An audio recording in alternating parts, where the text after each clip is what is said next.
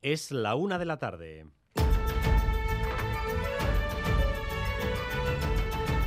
Crónica de Euskadi con Dani Álvarez.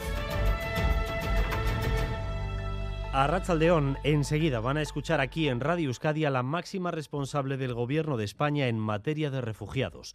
Se llama Amapola Blasco y le vamos a preguntar si es posible que el proyecto de centro de acogida que se proyecta en Vitoria-Gasteiz finalmente no se haga y cuántas plazas va a tener si finalmente se hace y cómo funcionaría. Lo cierto es que aún nadie lo ha explicado. En un instante, la directora del sistema de acogida hablará para ustedes aquí en esta crónica de Euskadi. Hoy, de nuevo, el gobierno vasco, a través de su director de migraciones y también el Partido Nacionalista Vasco, vía Aitor Esteban, han pedido al gobierno de España que desista, porque este proyecto no encaja aquí. Aitor Esteban hace apenas unos minutos. Yo creo que sí, que, que, perfectamente. Aquí más que la convocatoria de una posible adjudicación no se ha hecho nada más. Por lo tanto, bueno, esto es perfectamente eh, reconducible. ¿no? Y, y, yo creo, yo, yo le invito al gobierno español a, a eso, precisamente, al diálogo y a reconducir la situación. Pero al margen de esta discusión política, hoy sin duda el sonido es el de los tambores, es el de la alegría. Es, es un día precioso, eh, hace, hace, frío, pero es muy buen día para tocar la tamborrada. Nos lo estamos pasando muy bien eh, este día, este día. A mí me gusta mucho este día porque, aunque sea mi primer año, eh, pues me lo estoy pasando muy bien. Eh, que este día es súper bonito porque es un día de San Sebastián y es nuestro, nuestra ciudad hermosa, preciosa. Este día me gusta mucho. Estamos en un día de donostiarrismo pletórico. Es el día y llevaban tanto tiempo sin poder celebrarlo que las ganas desbordan. Está todo a tope.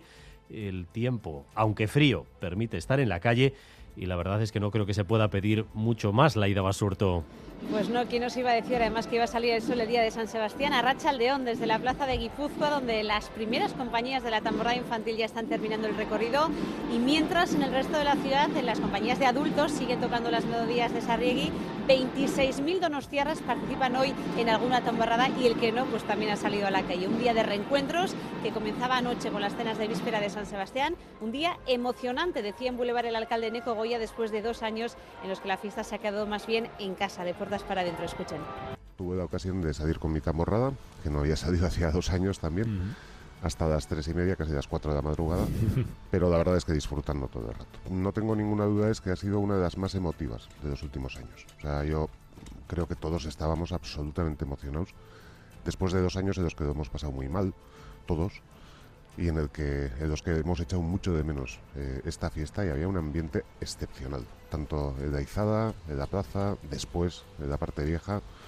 Yo creo que está siendo un día redondo.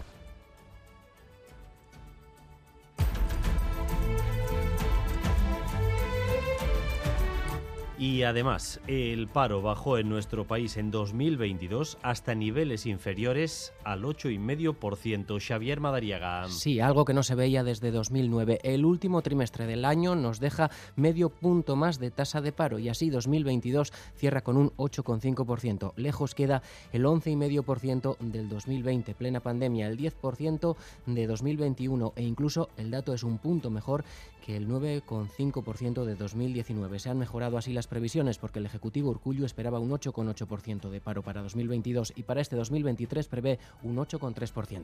Miradas hacia la base estadounidense de Ramstein en Alemania. Allí el grupo de contacto se encuentra reunido para tomar decisiones sobre el material bélico que van a enviar en las próximas semanas y que puede condicionar el futuro de la guerra entre Ucrania y Rusia. Óscar Pérez. Con los tanques Leopard de fabricación alemana como principales protagonistas y si Alemania da finalmente su brazo a torcer y da permiso o encuentra la fórmula para que los países que los tienen los envíen a Ucrania. Hasta hace unos días el canciller Scholz siempre había temido que una medida de este tipo iba a suponer una escalada en la guerra, pero eso puede haber cambiado hoy. En el arranque de la reunión, el secretario de Defensa norteamericano Lloyd Austin ha dicho que estamos en un momento crucial de la guerra. Gentlemen, this is a crucial moment. Russia is regrouping, recruiting. Rusia está reagrupando, reclutando y tratando de reequiparse. No es un momento de frenar, es tiempo de ir más allá. The Ukrainian people are watching us. The Kremlin is watching us. History El pueblo de Ucrania nos observa, el Kremlin nos mira y la historia también nos observa, ha dicho Austin al comienzo de una reunión que después ha continuado a puerta cerrada. Se espera que esta tarde a las cuatro y media anuncien las decisiones que han tomado sobre esos nuevos envíos militares a Ucrania. El Museo Artium presenta la primera exposición del año, una muestra dedicada al pintor gasteiztarra Rafael Lafuente. Composa Ketak, Composiciones, es el título de esta propuesta artística en la que se pueden ver obras, algunas de ellas inéditas, que abarcan cuatro décadas de creación de La Fuente. Gorka es el hijo del artista Rafael La Fuente.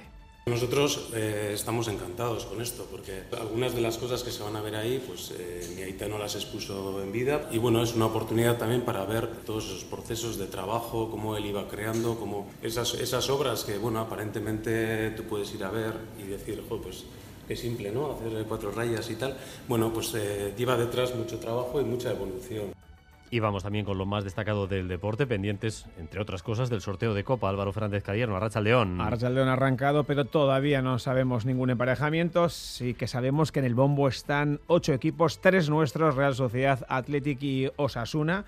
Eliminatorias la próxima semana. Además, Pello Bilbao ha logrado la primera victoria del año para el ciclismo vasco. Ha sido en Australia, en el Tour Down Under. Y en golf tenemos a John Ran, segundo en California a dos golpes del liderato. Tiempo estable y sin precipitaciones, aunque esta noche no se descarta que pueda caer alguna lluvia dispersa en Vizcaya o en Álava. En todo caso, la ausencia de nubes y los cielos que se van progresivamente despejando esta noche van a hacer que tengamos temperaturas muy bajas y que se produzcan heladas. El viento norte irá perdiendo fuerza. No superamos los 10 grados prácticamente en ningún lugar. Los acariciamos ahora mismo en Bilbao, en Donostia están con 8 grados de temperatura, 8 también en Bayona, 4 en Pamplona y 5 en Vitoria-Gasteiz. Gracias un día más por elegir Radio Euskadi y Radio Vitoria para informarse. Raúl González y José Ignacio Revuelta se encargan de la dirección técnica y Aitziber Bilbao de la coordinación.